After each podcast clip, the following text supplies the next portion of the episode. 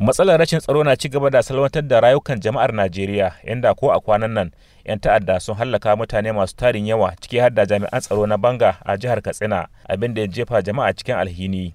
Shugaban majalisar koli kan lamuran addinin musulunci a najeriya mai alfarma sarkin musulmi muhammadu sa'ad abubakar na daga cikin muhimman jama'ar da suka nuna alhinin su akan wannan rashin. Just to uh, family members of the attack in Katsina of recent, where over 40 uh, vigilantes lost their lives. ya ce zan yi amfani da wannan damar in jajanta wa iyalan 'yan bangan nan fiye da arba'in da 'yan ta'adda suka hallaka a jihar katsina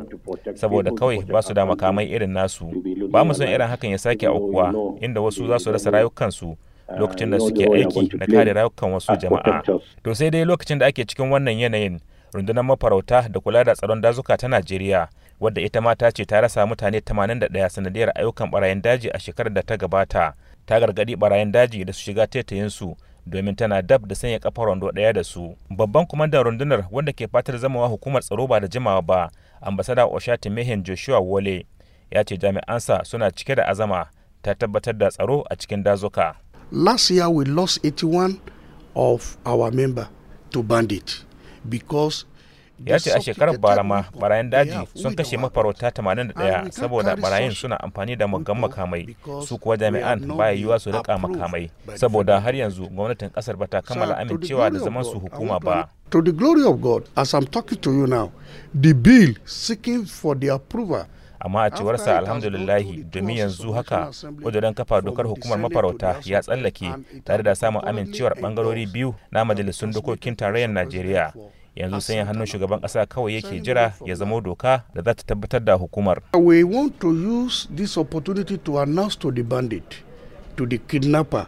that we, the occupier saboda haka ya ce suna gargaɗin barayin daji da masu satar mutane akan cewa su sani masu dazuka na asali na dab da zuwa su mallake muhallansu waɗanda aka sanar musu shekara da shekaru. Dangane da rundunar ta mafarauta kuwa mai alfarma sarkin musulmi muhammadu sa'ad abubakar ya ce duk da yake baya da masaniya akan abubuwan da ke cikin ƙudurin doka kafa hukumar tasu amma dai a ƙara samun zarata da ke bayar da gudunmuwa a hujin tsaro ya dace. We need more and more such security outfits because of the ya ce lalle muna buƙatar ƙarin masu bayar da gudunmuwa ga samar da tsaro musamman duba da halin da ƙasar mu take ciki musamman a yankunan dazuka inda nan ne barayi ke zama suna haddabar jama'a. Dama tun lokacin da rashin tsaro ya ta'azzara a Najeriya masana lamuran tsaro ke ta bayar da shawarwari ga mahukunta akan hanyoyin da suke gani mafita kamar shawarar nan ta samar da zarata waɗanda za su kula da dazuka shawarar da detective awal baladir mai iya ya jima yana bayarwa wadda ya ce nage ce daɗi goma. za ka samar wa da matasa aiki na farko kenan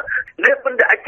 aikatawa kashi tamanin bisa ɗari da ake aikata terrorism ta'addanci za ka yi adiresin ɗin wa'annan mutanen saboda me duka a daji ake shirya su a daji ake aikata su in ma an zo birni an aikata su dajin ake komawa. yanzu dai amincewa da jami'an rundunar mafarauta da zama cikin hukumomin tsaro kan iya nuna tasirin da za ta yi wajen samar da tsaro ko kuma akasin haka. Muhammad Nasir, muryar Amurka daga Sokoto a Najeriya.